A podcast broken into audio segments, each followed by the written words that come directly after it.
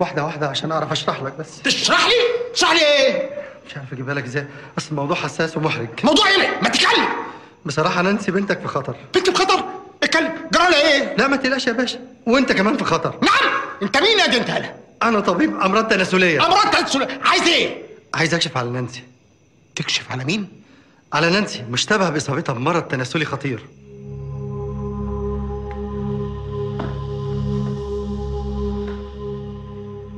إيدز. لا لا لا يا باشا. إيدز إيه؟ أمال عندها إيه؟ syphilis. syphilis يعني زهري. الحمد لله. بنت عندها زهري. يعني إيه ده برضه؟ ده مرض يجي بالاتصال الجنسي أول مرحلة ما فيهاش مشكلة. الخطورة في المرحلة الثانية والثالثه عشان كده لازم نلحقها. وانت عرفت منين؟ من اللي كانت معاها.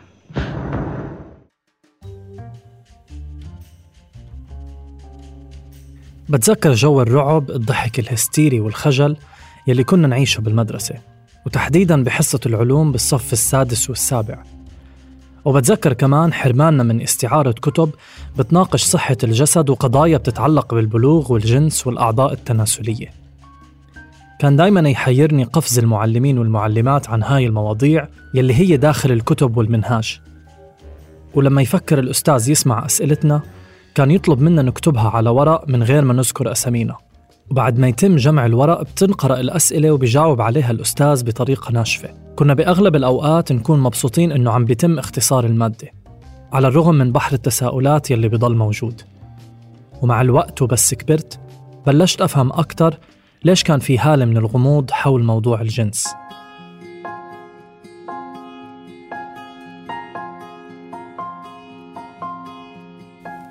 أنا سليم سلامة. بقدم لكم الموسم الخامس من بودكاست عيب من إنتاج صوت. بهالموسم رح نصغي لتجارب طبعت آثارها على ذواتنا وأجسادنا ولكن تم إنكارها لأنها ما زالت تعتبر بنظر المجتمع عيب. بحلقة اليوم رح نحكي عن الصحة الجنسية والأمراض أو العدوات المنقولة جنسياً على وجه التحديد. شاركني بتحضير الحلقة موسى الشديدي الكاتب والناقد حول الجسد والجنسانية. من خلال كتاباته بيتطرق موسى للعلاقة بين السينما المصرية والجنسانية. وعشان السينما بتعكس وجهة نظر المجتمع وبنفس الوقت بتعيد تشكيلها قررنا بهاي الحلقة أنه نستعين بست أفلام مصرية لحتى نستعرض الفكر السائد حول الأمراض المنقولة جنسياً. كان ممكن تفضلي محترمة وراسك مرفوع بس انت اللي جبتي نفسك وخدتينا في الرجلين وراكي. فضحتينا. ماما ده جوزي. جوزي معقد شرعي وبعلم العيلة كلها. الأمراض أو العدوات المنقولة جنسياً زي الإيدز، السفلس والتهاب الكبد الوبائي هي مجموعة من العدوات يلي بتنتشر بشكل شائع من خلال الممارسات الجنسية المهبلية أو الشرجية أو الفموية. بعضها بينتقل من خلال طرق غير جنسية كمان مثل استخدام إبر ملوثة بدم شخص مصاب أو من خلال حليب الأم. عدد كبير من هالعدوات ما بتسبب أي أعراض تذكر خصوصا بالمراحل الأولى. وعدم ظهور العوارض بيزيد من احتمالية نقل العدوى من شخص لآخر. الفئات الأكثر عرضة للإصابة بهاي الأمراض هي الفئات يلي ما عندها إمكانية الوصول لأساليب الوقاية الجنسية أو للجهات المعنية برفع الوعي حول الجنس الآمن. وحتى في حال قدروا هدول الأشخاص من الوصول لمراكز طبية ممكن تعالجهم بضلهم معرضين لمشاكل من نوع مختلف. مثل التنمر أو الابتزاز من قبل الكوادر الطبية.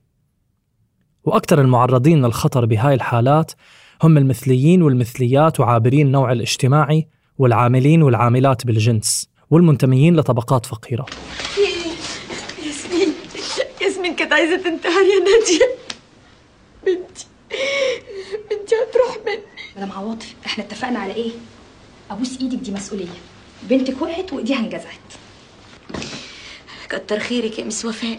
المهم هي كويسة دلوقتي. بقينا بنتدارى زي المجرمين. لما بدأت أهتم بالبحث والمعرفة عن مراكز الصحة الجسدية بالأردن كان إيجاد هالمراكز والوصول إلها كتير صعب.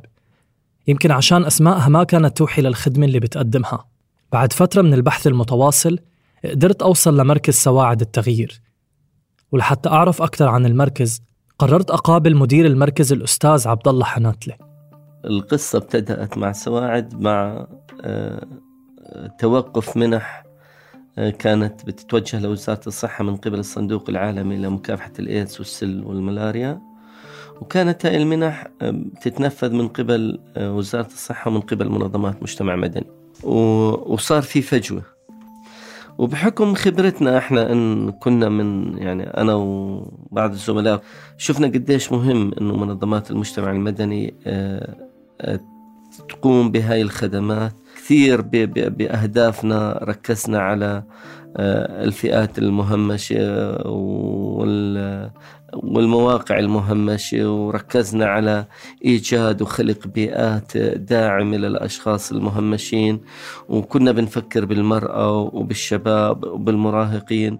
وإحنا بنعرف قديش آه، في منطقة معتمة بالنسبة للثقافة الجنسية كون الجنس آه، بمجتمعاتنا هو من التابوهات المحرمة. فركزنا هون كثير على أن ندخل هذا المجال. بداية المركز ما كانت سهلة أبدا وما كان واضح لوين ممكن توصل هالمبادرة خصوصا أنه القائمين على الفكرة كانوا مصرين أنه ما يقوموا بالتنظير على المجتمع من الخارج بل يقوموا بالاندماج مع المجتمع والإصغاء للفئات المعنية بهدف تلبية الاحتياجات.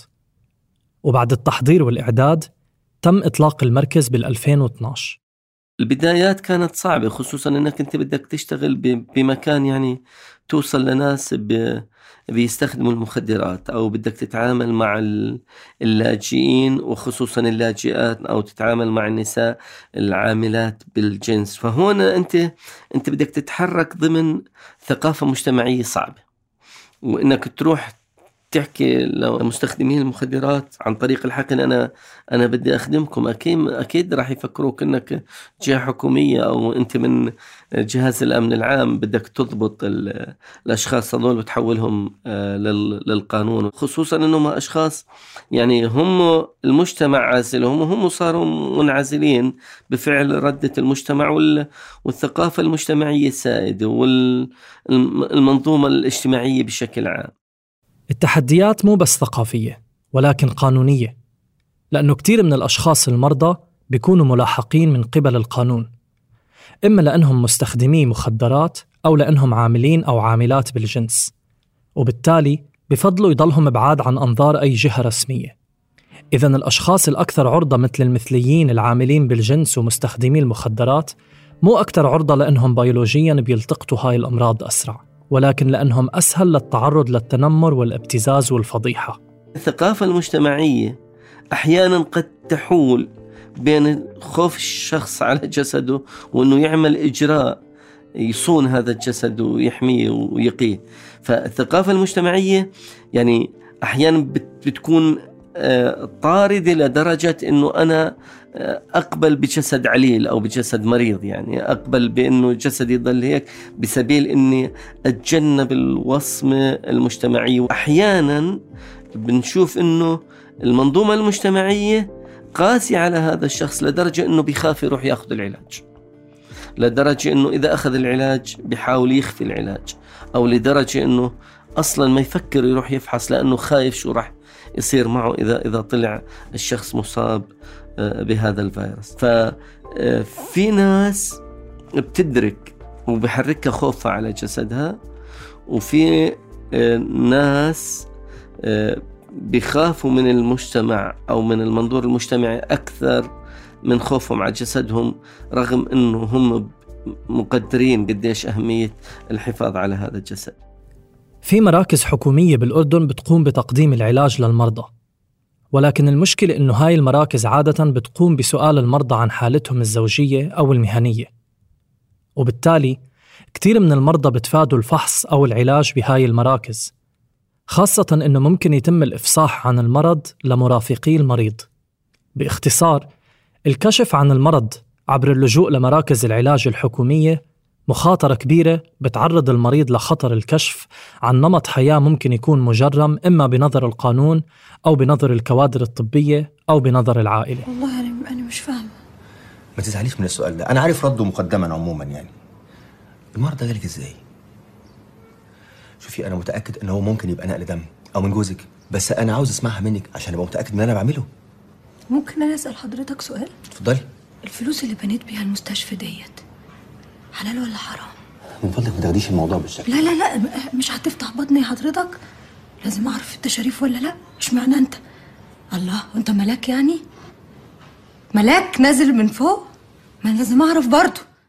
مشاركة المعلومات الشخصية مع الكوادر الطبية ممكن تفتح مجال للتنمر على المرضى والحكم عليهم أخلاقياً.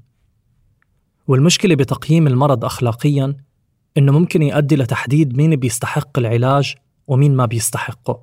مع العلم إنه عدم تلقي العلاج يعني ترك المرض يتفشى بالمجتمع ويصيب الجميع حتى اللي بيشوف إنه طرق انتقاله غير سليمة. بس أنا فعلا شايف إن ده مرض بيتنقل بطرق غير سليمة. لو جالهم بطرق غير سليمة يستاهلوا اللي حصل لهم يعني؟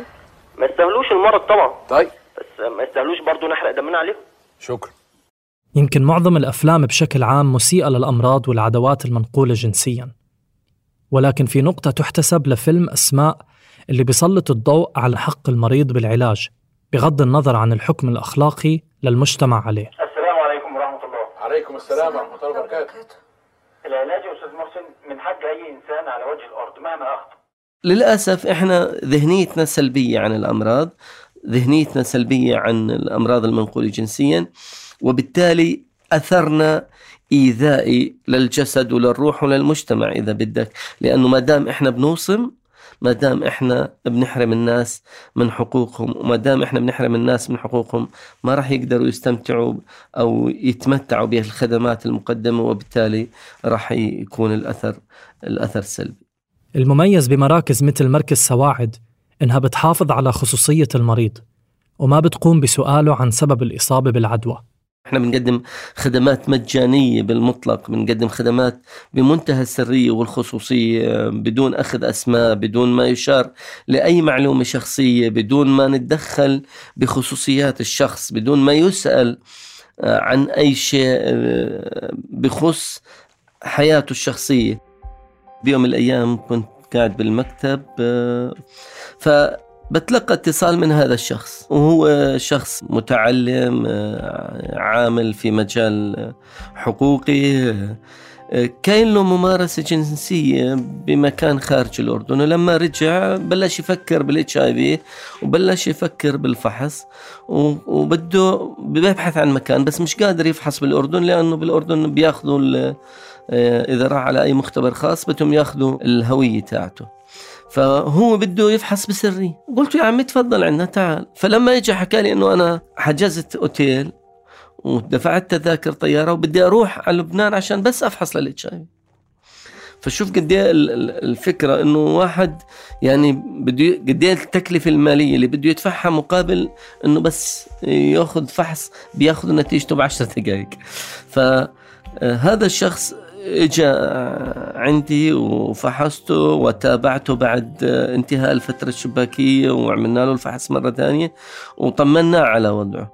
فكان بالنسبة له شيء مدهش إنه لاقي مكان بالأردن وقديش إنه في ناس هم بحاجة إنهم يعرفوا عن هذا المكان وقديش في ناس إنهم بيطلعوا خارج الأردن وبيسافروا وبيدفعوا نفقات بس عشان يعملوا هذا الفحص.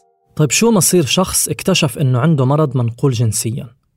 للأسف الثقافة السائدة بمجتمعاتنا أو على الأقل المطروحة بالسينما بتعرض الموت كنتيجة حتمية طبيعية لاكتشاف المرض. طب احكي لي إيه اللي حصل بالظبط الست دي جت العياده من يومين كان بتشتكي من طفح جلدي في أجزاء من جسمها. لما كشفت عليها لقيت عندها تضخم في الغدد الليمفاوية تحت الأذن في منطقة أعلى الفخذين يا ساتر يا رب. طلبت منها عمل تحاليل وبعتها المعمل الدكتور فانوس فايز. النهارده الصبح اتصل بيا وأكد لي إنها مصابة بالإيدز. قلطم قلطم كبيرة يا كريم. أول ما جت لي العيادة وبلغتها بالخبر جريت من قدامي ونطت على الشباك ورمت نفسها منه إيه؟ لماذا لم تحاول منعها؟ ما لحقتش. ردات الفعل هاي بتزيد خوف الناس من الفحص لأنه بصير الموت هو النهاية المحتمة للمرض. وإذا ما قرروا صانعي الفيلم إنهم يقتلوا شخصية المريض بالفيروس بيخلوه ينتحر. وإذا ما انتحر بيقتلوه هو بيحاول يهرب من المستشفى مثل ما صار بالمريض بفيلم شاويش بنص الليل. للأسف يا فاطمة أخوك مدمن مخدرات وحالته متأخرة قوي أيوه أنا عارفة منها أنا كنت هفتحك في الموضوع ده بس المهم ان في علاج المخدرات جايزه يا دكتورة. لكن الطب لسه ما اكتشفش علاج لمرض الإيدز. إيدز؟ أنت متأكد؟ تحليل الدم ما يكذبش يا فاطمة. طب إزاي؟ ليه؟ من إيه؟ الحقن الملوثة اللي بياخدوا بيها السم الهاري ده. من إيد لإيد. والحقنة لو طلعت من دراع واحد عيان ودخلت دراع واحد سليم يبقى خلاص. اظنك فاهمة ده كويس يا دكتورة فاطمة. يعني إيه؟ هيموت؟ الاعمار بيد الله يا عمي الإيدز ملوش علاج يا بابا. دي مصيبة مصيبة. أنا لغاية الآسف يا جماعة. مش عارف أقول لكم إيه مش عارف. ربنا معانا. يمكن فعلا في أشخاص بينتصر عليهم المرض ولكن في حالات أخرى نهايتها مش بالضرورة تكون تراجيدية. وبطل الإتش آي في إصابة مميتة واليوم أنت بتقدر تتزوج وبتقدر تنجب وبتقدر تمارس حياتك بشكل طبيعي وبتكونش ناقل للعدوى وإحنا بنساعدك. هاي الرسائل الإيجابية هي بت بتوجه الناس ليطلبوا الخدمات. ولما الأفلام ما بتصور الموت كنتيجة محتمة للمرضى بتقوم بخلق هالة من الذعر والهلع حول الموضوع. وكأنه الأمراض والعدوات الجنسية بتم استخدامها كأدوات لتخويف الجمهور. طب ومتولي بيه؟ متولي هروح المستشفى مع الدكتور تحت حراسه هو راح المستشفى ليه؟ قول له يا دكتور. يا متولي الدم اللي كنت اتبرعت بيه للمرحوم أبوك لما حللناه أثبت إنك عندك إيدز. لا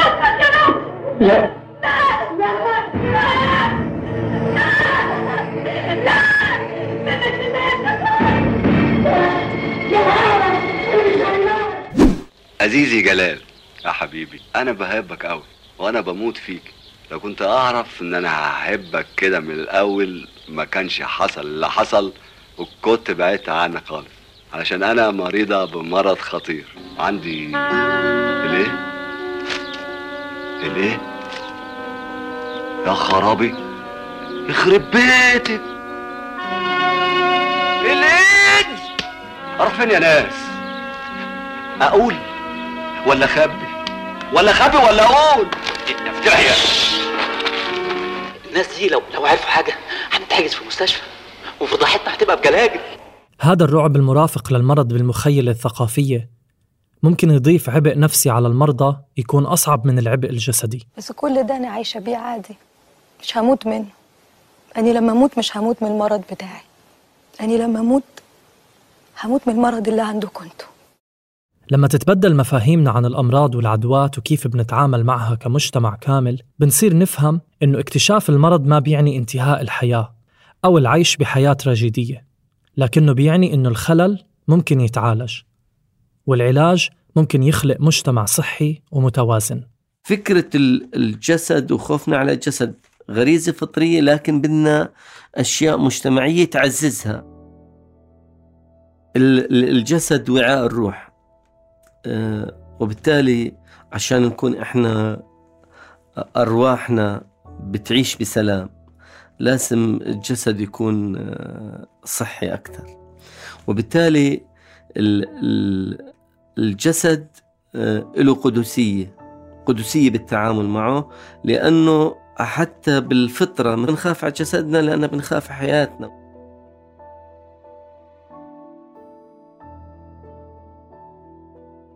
بعض العوامل الثقافية عززت آه، فكرة آه، اختفاء المحافظة على الجسد.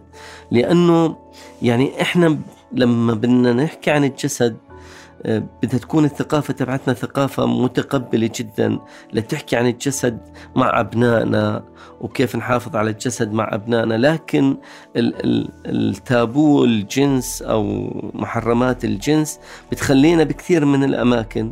إن نغض الطرف عن الأشياء اللي لازم نناقشها كثير.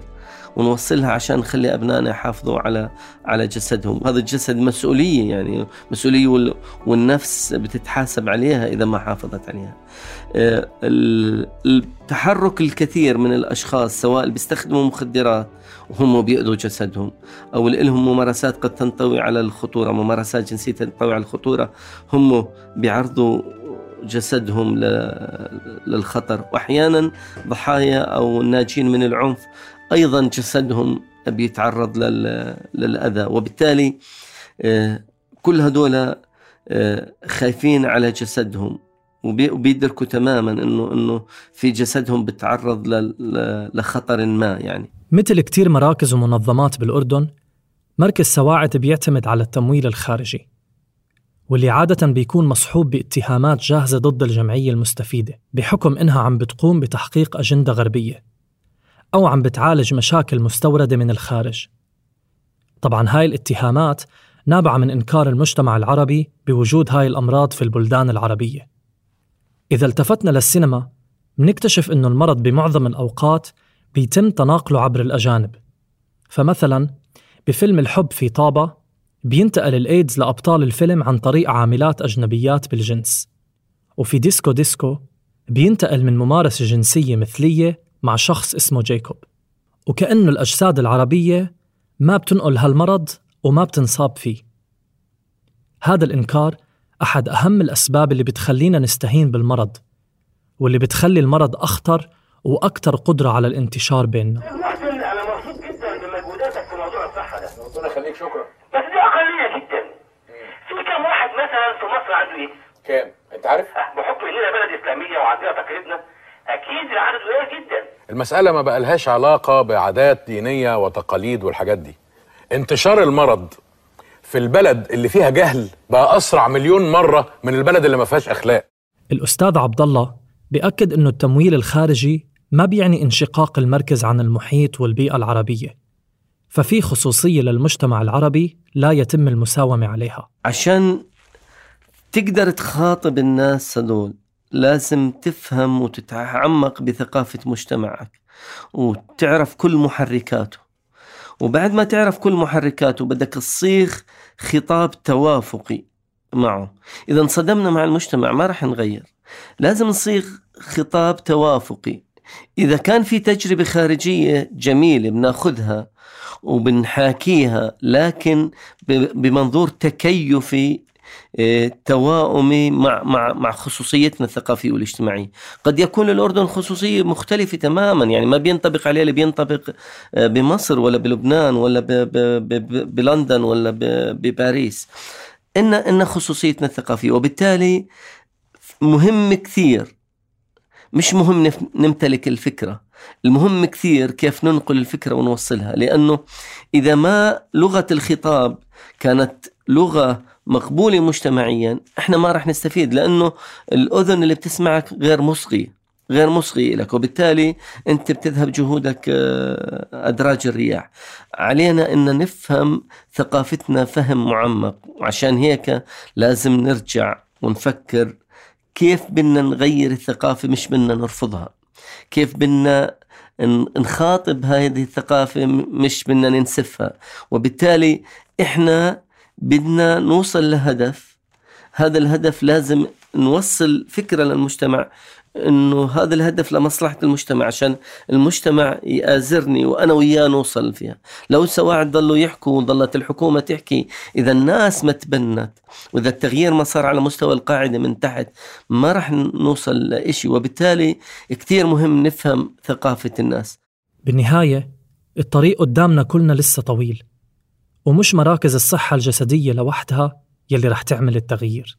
ولكن المنظومة المجتمعية والثقافية والمدرسية مجتمعة هي يلي رح تخلق شكل جديد ومغاير للواقع الموجود. إحنا بسواعد التغيير خدماتنا آه، طوعية مجانية شعارنا السرية والخصوصية. في شبكة علاقات مع جهات كتير محلية. الصراحة أنا لحد الآن آه، من خلال تجاربي يعني ومن خلال آه، الأنشطة اللي بننفذها وورش العمل التدريبية واللقاءات والحوارات والندوات والمنتديات اللي بنشارك فيها.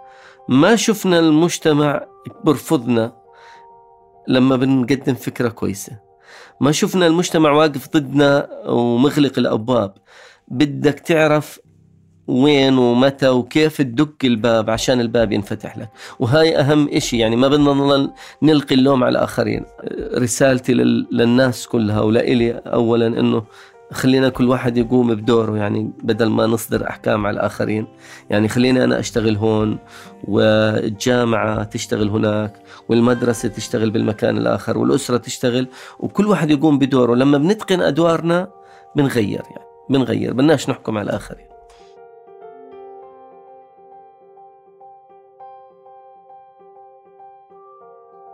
كنا معكم من الإعداد والتقديم سليم سلامة.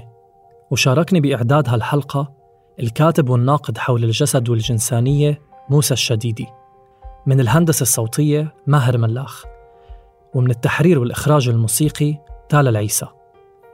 النشر والتوزيع تولته مرام النبالي وجنى قزاز. وشارك بإنتاج هالموسم فريق صوت.